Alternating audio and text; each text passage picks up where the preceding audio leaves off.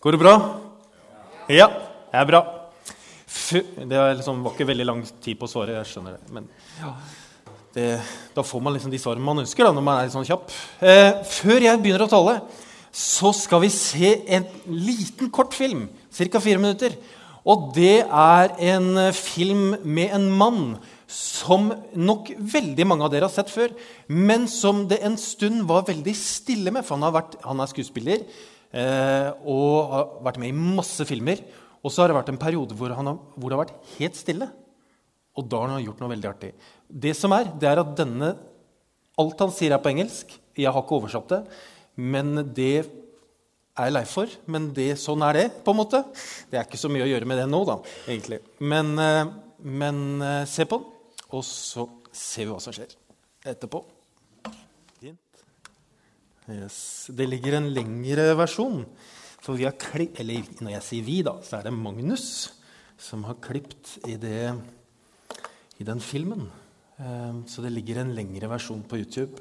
Da søker du på Jim Kerry og I Needed Colors. Så kommer det, vet du. Det er bra. Um, forrige søndag, som Birger sa, så starta Runar denne serien, som da heter 'Jeg trenger farger'. Eh, og det er en serie om kreativitet og farger. Og så har jeg tenkt noen ting og nå, og, eh, som jeg skal starte med. Hvis jeg får fjernkontrollen til å virke. Tenk om. kommer et langt resonnement. Dere er rett på. Tenk om! Ser dere? SMK var et fellesskap av troende mennesker som hver for seg levde de livene som Gud hadde kalt dem til som frie, kreative og drømmende mennesker som gjorde det beste ut av det Gud hadde gitt dem av gaver, talenter og egenskaper, fordi de levde for noe større enn dem selv, og gjennom det arbeidet for at verden skulle bli et bedre sted. Og nå lurer du på er det ingen som har lært deg Martin, å sette punktum. Men det har jeg ikke. Og så kan det hende at dette er litt sånn svevende. Og så tenker du, For dette er jo ikke liksom småtteri, egentlig. hvis du liksom tenker, Tenk om det kunne vært sånn. Og så kan det hende at det var farga at eh, jeg skrev denne innledningen på torsdag ettermiddag. Da satt jeg på Starbucks på Majorstua i Bogstadveien med propper i hjørnet, en frappuccino med sånn Java chip, chocolate chips greier som jeg nesten ikke klarte å uttale, med laktosefri melk, og plugger i hjørnet og Mac-en foran, og liksom så på alt det mylderet av flotte, glade, levende mennesker foran meg, og tenkte at tenk hvis disse menneskene her var kobla på Gud og brukte alt det gode de har, eh, til å gjøre verden til et bedre sted med, sammen med Gud. Tenk på det. Og så kan det hende at jeg er litt sånn drømmende og naiv når jeg går inn i en sånn boble. Men det får bare være, egentlig. Fordi jeg tror virkelig på at Gud kan virke gjennom oss. Og så tror jeg virkelig på at Gud ønsker å påvirke oss og tale til oss på ulikt vis.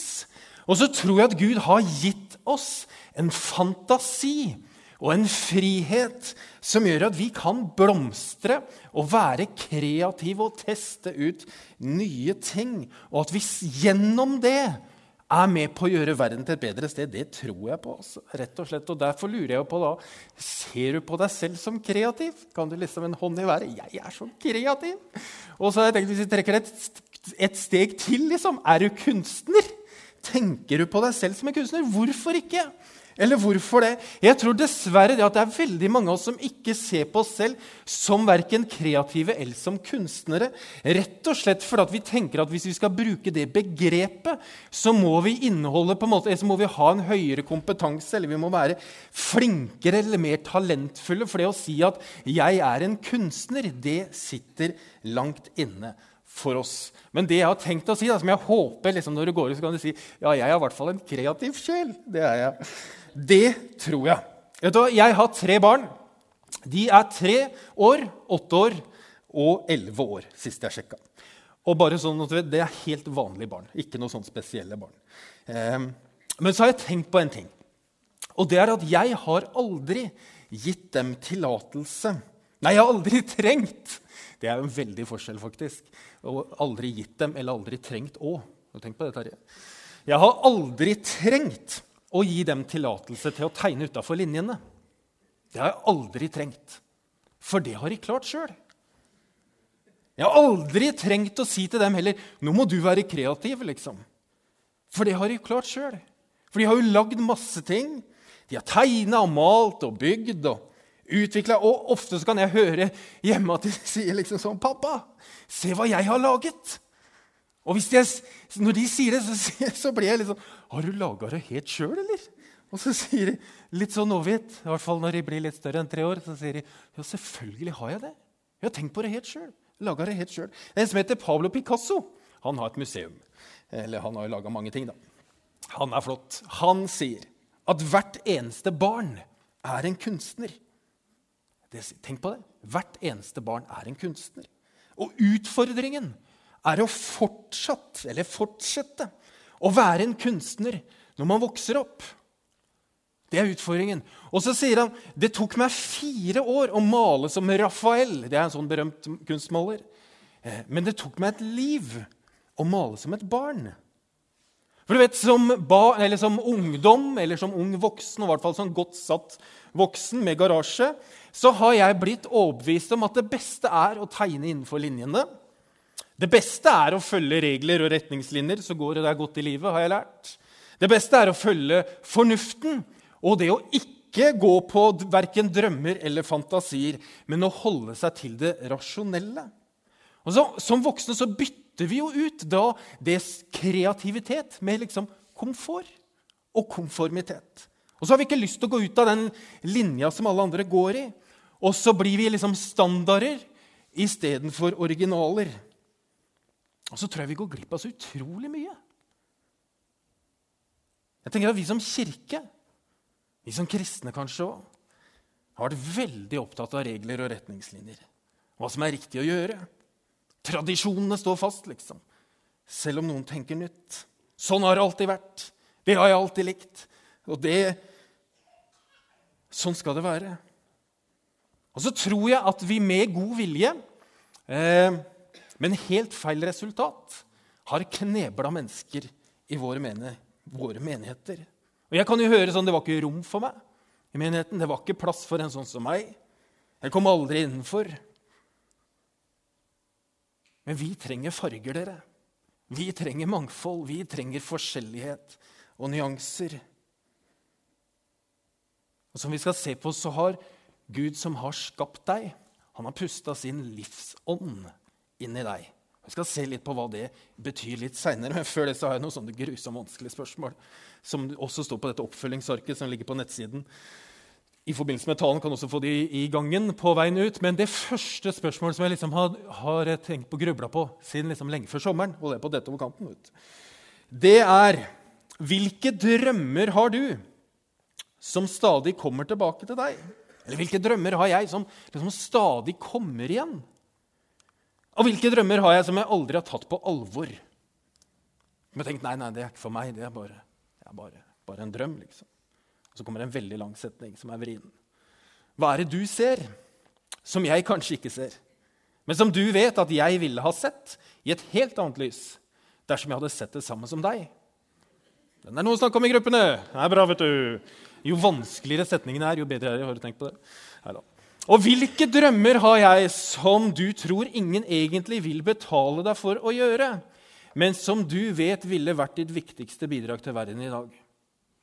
Altså, Hvilke drømmer har du som du vet du aldri får lønn for, men som du vet kanskje er det viktigste du har for å gjøre verden til et bedre sted? Hva er det du ser som ingen andre ser? I første Mosebok kan vi lese historien om når Gud skaper verden. Ved sitt ord. Han taler, og så blir det sånn. Og så er det seks ulike stadier i det. Og Så begynner han med å skape lys i mørket, eh, og så slutter han med å puste liv i mennesket. Og alt imellom kan vi jo kalle for ganske sånne ekstraordinære hendelser. Det tror jeg vi kan være enige om. Altså Alt fra å skape solsystemet liksom, til å skape økosystemet jorda, på jorda, det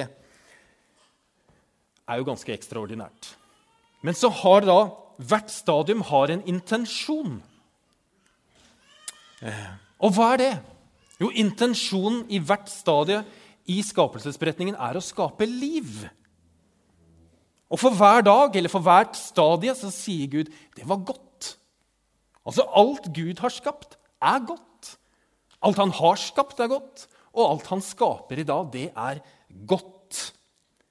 Og når han skulle skape mennesket, så hadde han jo bare trengt å bruke ord. Men så gjorde han jo ikke bare det. Fordi for at hans eh, liv skulle bli liv i menneskene, så måtte han puste sin livsånd inn i det. Da står det da formet Herren Gud mennesket av støv fra jorden. Han blåste livspust i nesen på det, og mennesket ble en levende skapning.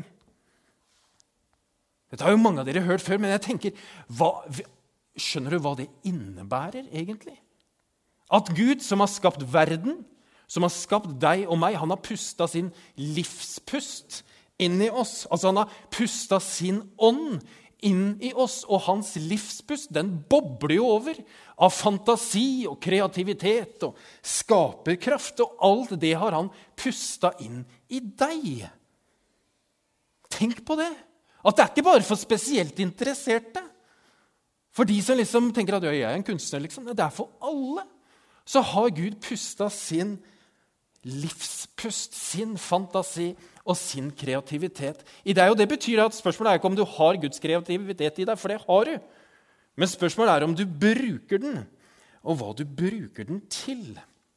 Du vet at Mennesket er jo det eneste eh, i skaperverket som kan skape noe nytt ut ifra noe han ikke har sett før. Har du tenkt på det? At vi kan skape noe nytt ut ifra noe vi ikke har sett før. Forrige søndag så intervjua jeg Christian Lunde, og han er sånn teknologimann. Eh, og så var det han og en studiekompis de eh, hadde blitt så irritert på noe på skolen som de ikke hadde liksom fått løst. Og sånn som når jeg blir irritert, så blir jeg jo bare irritert. på en måte. Og sint, og så går jeg, liksom. Men det Christian gjorde, det var jo at kanskje vi skal lage en app og så har de utvikla, fordi de har vært irritert, de har sett et problem, og så har de utvikla noe som hjelper de. Men så vi hjelpe mange bedrifter og mange enkeltmennesker. Tenk på det. Har du tenkt hvor mange sykehus som er bygd opp fordi noen hadde et, så et problem? Og så tenkte de det må vi jo gjøre noe med. Og Istedenfor bare å tenke at man har et problem fordi folk blir syke, så bygger man et sykehus. Eller, hvis, eller eh, skoler i fattige land, f.eks. Tenk hvor mye som all, Dette vet dere jo mye, jeg trenger ikke si mer om det, men jeg har tenkt det. jeg, For jeg har noen jeg kjenner ganske godt, eh, som har drevet hjelpearbeid i to land i mange år. Og De bygde hus og har fadderfamilier, og de hjelper studenter, og de har nødhjelp og masse klær og mange sånne ting. Masse bra ting. Og har holdt på med det i mange år. Men så ser de det at selv om de liksom gjør alt dette, så er det, det er noe som de på en måte, som de liksom ikke får ordna opp i. Og så begynner de å se, og det de ser, det er jo det at folk har jo veldig dårlige tenner. vet du. Og hvis du har tannverk, så vet du at når du har vondt i tanna, så har du ikke bare vondt i tanna, men du har jo vondt i hodet, og så får du vondt i kjeven, og så får du vondt i skuldrene, og så, og så, og det, men så går jo du til tannlegen dagen etter eller dagen etter der, og så går det over. Men tenk på disse som har hatt vondt i tennene liksom i, i 40 år. Altså, Da får man jo ikke bare vondt i hodet, da får man jo vondt i kroppen. Og så setter, setter det seg i hodet òg, og så blir man psykisk syk og dårlig. Og så tenkte de da som jeg kjenner godt, hvordan kan vi, hvordan kan vi liksom løse For dette har jo ingen løst. Det har jo bare vært et problem. Men så tenkte de det kan jo hende at vi kan frakte da, noe tannlegeutstyr, f.eks. Brukt tannlegeutstyr fra Norge ned dit. Og så fant de ut ja, så har det jo vært studenter som de har hjulpet, som, som, har, tatt, som har, blitt tannleger. da. Kanskje de vil bruke én dag liksom, til å være her. Og så la, litt etter litt så bygde de opp en tannlegeklinikk. Og det er klart at Når folk får trukket tenner og får inn gebiss eller får broer, eller hva nå enn det heter, så får man et helt nytt liv. Og så snur det helt om. De visste jo ikke hva de ville få til. De visste bare at de hadde et problem, og så tenkte de kanskje vi skal prøve noe annet. Og så prøvde de noe annet, så var det masse humper i veien og masse byråkrati. og mange ting. Men tenk at i dag så har mange fått et helt nytt liv. Fordi det var noen som våga å være kreativ og tenke annerledes. Fordi det kreativitet da, det handler om at man må drømme, Og så må man risikere eller våge, og så må man skape noe. For du kan ikke skape noe nytt uten å risikere noe. At noe går gærent. Og så handler jo kreativitet om å søle. Om å tegne utafor strekene. Om å ikke treffe blink hver eneste gang. Men det handler om å våge en risiko. Våge å teste at vet du, jeg har en drøm, jeg har noe jeg tenker, men så vet jeg ikke helt om det funker. Men istedenfor å bare tenke at det kommer ikke til å funke, så prøver man. Så det handler om det. Men for deg som tror på Jesus Kristus som din Herre og Frelser, så handler det også om noe mer enn det. Om å våge å drømme og ta risiko. Du vet at Et av Jesu første under det skjer når han er i bryllup. Vi skal se raskt på den teksten. vi skal bare raste gjennom egentlig.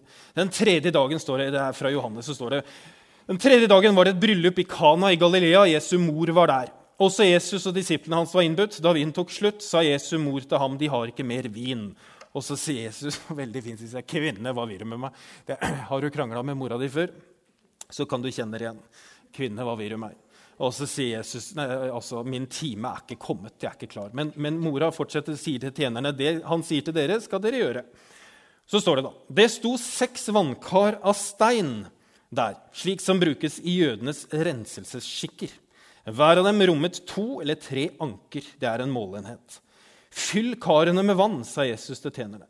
De fylte dem opp til randen. Øs nå opp og bær det til kjøkemesteren, sa han. Det gjorde de. Kjøkkenmesteren smakte på vannet. Det var blitt til vin. Han visste ikke hvor den var kommet fra, men tjenerne som hadde øst opp vannet, visste det. Da ropte han på brudgommen og sa, 'Alle andre setter først frem den gode vinen,' 'og når gjestene blir beruset, kommer de med den dårlige.' 'Men du har spart den gode vinen til nå.' Dette var det første tegnet Jesus gjorde. Og det var i Kana i Galilea. Han åpenbarte sin herlighet, og disiplene trodde på ham. Altså, Han åpenbarte sin herlighet, og disiplene trodde på ham. Jeg vet ikke hva du har tenkt før når du har lest den teksten, men jeg tenker litt sånn seriøst. Altså, Gud har skapt verden. Og det første han gjør når han skal gjøre et under, er å gjøre vann til vin. Han kunne jo gått på vannet, da. Eller vekket opp noen døde. Eller gjort noe med fattigdomsproblematikken. Eller noe sånt annet. Men det han gjør, han gjør vann til vin. Og Når vi leser denne teksten ofte, da, så henger vi oss opp i noe. Og det er det at vi henger oss opp i alkoholbruk blant kristne. Er det lov til å drikke vin? Det er det vi henger oss opp i. Og da gjør det at vi går jo glipp av hele poenget, tror jeg. For det jeg lurer på, er når Jesus gjør dette underet, hvorfor får han tjenerne til å fylle karene med vann? Har du tenkt på det? Han kunne jo gjort et sånt dobbeltunder. Han kunne sagt 'Se på de karene. Nå er det vann.' Og de bare Og så 'Nå er det vin.' Og de bare Han gjorde jo ikke det. Det var ikke det han gjorde. Hvorfor får han gutta liksom til å selv fylle de karene med vann? Når han kunne gjort Det så. Det er jo litt det samme som i den historien om når Jesus møtte 5000 pluss kvinner og barn, hvor det kommer en liten gutt med nistepakka si med to små uh, fisker og fem små brød. Det er alltid lett å ta feil der. Som da gir mat til liksom tusenvis av mennesker. Jesus trengte jo ikke den nistepakka. Han kunne jo bare gitt dem mat, skapt maten ved sitt ord. Men jeg tror at Jesus har et poeng. At han vil vise oss at han vil at vi skal bringe frem det vi har, til han, sånn at han kan berøre det, sånn at han kan touche det, sånn at han kan ta på det. For i utgangspunktet så er jo vannet det er jo hans. Eller det er Guds. Det er jo det. Gud skapte jo vannet. Og Han er jo opphavet til alle ting. og det er ikke sånn at Han bare skapte vann for de kristne. liksom. Han skapte jo vann for, for hele skaperverket. Om du tror eller ikke. Så når Jesus ber disiplene fylle disse karene med vann, så er det jo allerede hans vann som han ber dem fylle opp karene med. Og hør her. Det er sånn Gud virker i livet ditt. Hvor han ber deg om å bringe noe til han som han allerede har gitt deg. For at han kan velsigne det og gi det sin touch. Sånn at han kan gjøre både det og deg til noe mer. og til det beste for verden. Så når Gud ber deg fylle karene dine, så ber han deg om å bringe tilbake til han det han har gitt deg fra begynnelsen av, sånn at han kan berøre det. Det er en annen historie litt seinere i Johannes-evangeliet, som Jeg Jeg bare kommet til innledningen. Eh, om en mann som er født blind. Eh, og skal også, den, skal, den skal vi gå gjennom ganske fort. Da Jesus kom gående, så han en mann som var født blind. Disiplene spurte da, 'Rabbi, hvem er det som har syndet, han selv eller hans foreldre, siden han ble født blind?' Jesus svarte verken han eller hans foreldre har syndet, men nå kan Guds gjerninger bli åpenbart på ham. Så lenge det er dag, må vi gjøre hans gjerninger som har sendt meg. Det kommer en natt da ingen kan arbeide. Så lenge jeg er i verden, er jeg verdens lys. Jeg kunne sagt masse om det og kommer ikke til å gjøre det. Eh, men da han hadde sagt dette, så kom poenget. Spyttet han på jorden, laget til leire med spyttet og smurte den på mannens øyne. Så sa han, gå og vask deg i Siloadammen. Siloa Siloa betyr utsendt. Mannen gikk dit og vasket seg og kom tilbake senere. Jeg har forsøkt da, å se dette for meg. At Jesus kommer gående, og så spytter han på jorda. Og så lager han leire med spyttet sitt. Jeg vet ikke om du har spytta på jorda, men det må ganske mye spytt til for å lage den leiren. Og så smører han det på mannens øyne. Og så tenker jeg, tenk, tenk hva de rundt tenkte om det. Hvem er han her, liksom, som spytter på jorda? Blander leire, og så tar han det på mennenes øyne. Det som var da, det var jo at denne mannen han ble jo ikke momentant helbreda heller. Det skulle man jo forvente, at nå skjedde underet med men han ble ikke det. Det var jo heller ingen som sa liksom, altså Jesus lova jo ikke noe helbredelse heller. Han bare sa 'gå og vask deg i Siloa-dammen'. Og så hjelper han han ikke på veien. Og Han sier ikke til disiplene eller kan ikke gutter dere følge han dit, liksom? for det måtte jo sett litt rart ut for denne mannen å gå fra der han var, til Silodammen med sånn leire i øynene. Og Da lurte jeg på hva, hva, hva tenker han, liksom? Når han går og vet han har leire øyne på vei til Silodammen. Av og til så har jeg stolt på Gud, og så har ingenting skjedd. Jeg vet ikke om det har skjedd med deg. Men jeg har bedt til Gud.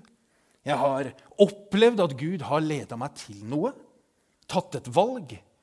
Men så er det ingenting som har skjedd. Det har vært helt stille. Og av og til så har det jo vært motgang òg, i tillegg. Og det er en forferdelig vanskelig tid. Denne mellomtiden fra du har tatt en beslutning om å gjøre noe, og til det skjer noe. Til vi kommer til denne Siloa-dammen og vasker oss og kan se. For alle vet det som sår blomster, at det blir aldri blomstring med en gang. Det skjer jo ikke umiddelbart. Det trengs en tid fra vi har stolt på og våget risiko og gått på en drøm til vi ser at det skjer noe. Veldig ofte så er det sånn. Til en velsignelse kommer, eller et resultat skjer. Og så tror jeg at akkurat som Jesus ber den blinde mannen om å stole på han, så tror jeg Jesus ber oss om å stole på han. Om å drømme, våge, handle og stole på. Og så har jeg tenkt på en ting til det at Jesus han bruker jo spytt og jord. Altså, Det er jo to av de mest naturlige tingene hvis du ikke vet at du har spytt. Men jeg tror ingen ville ha kjøpt spyttet ditt. Ingen ville ha kjøpt mitt, i hvert fall. Det ville de ikke. Det er jo to av de mest naturlige tingene vi har. Jord og spytt. Men som er de minst verdifulle. Og så tenker jeg Når jeg ser på hva Jesus gjør med to av de minst verdifulle tingene vi har rundt oss. Tenk da på hva han vil gjøre med deg. Tenk på hva han kan gjøre med deg.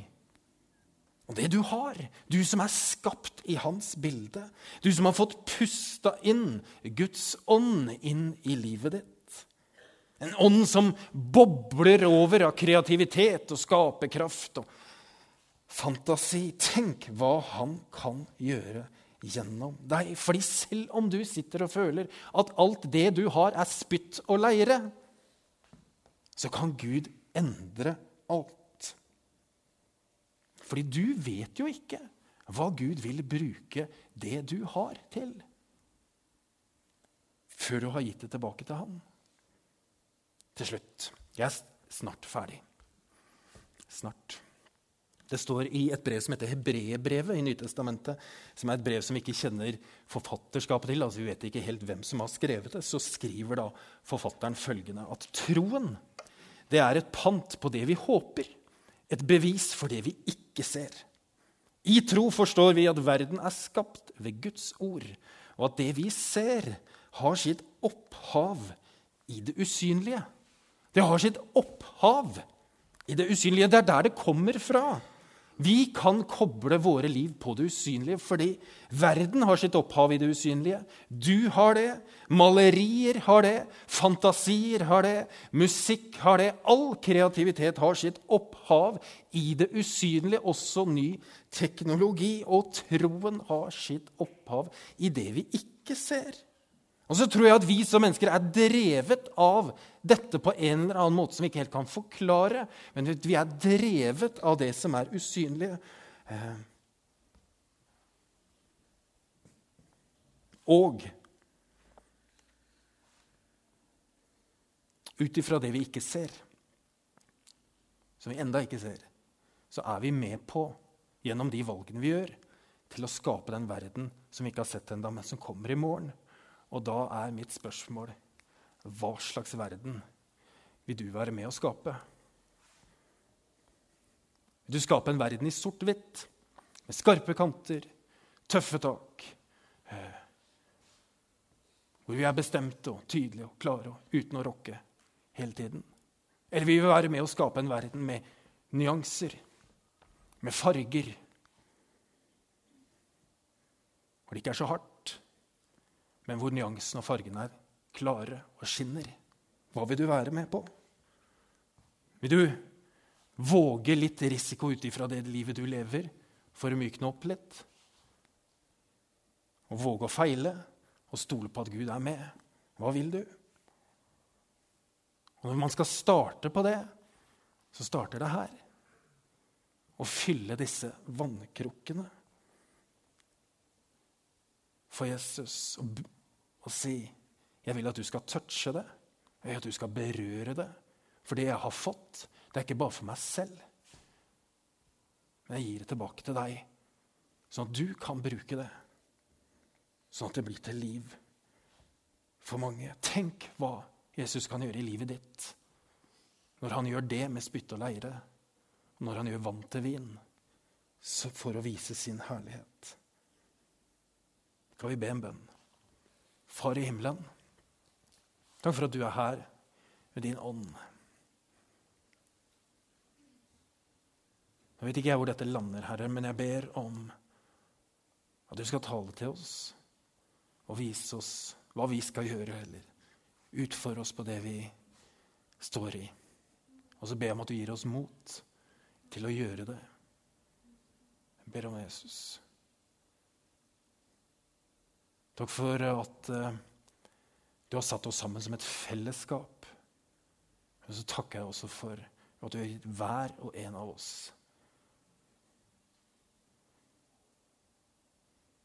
en krukke som vi kan gi tilbake til deg med livene våre.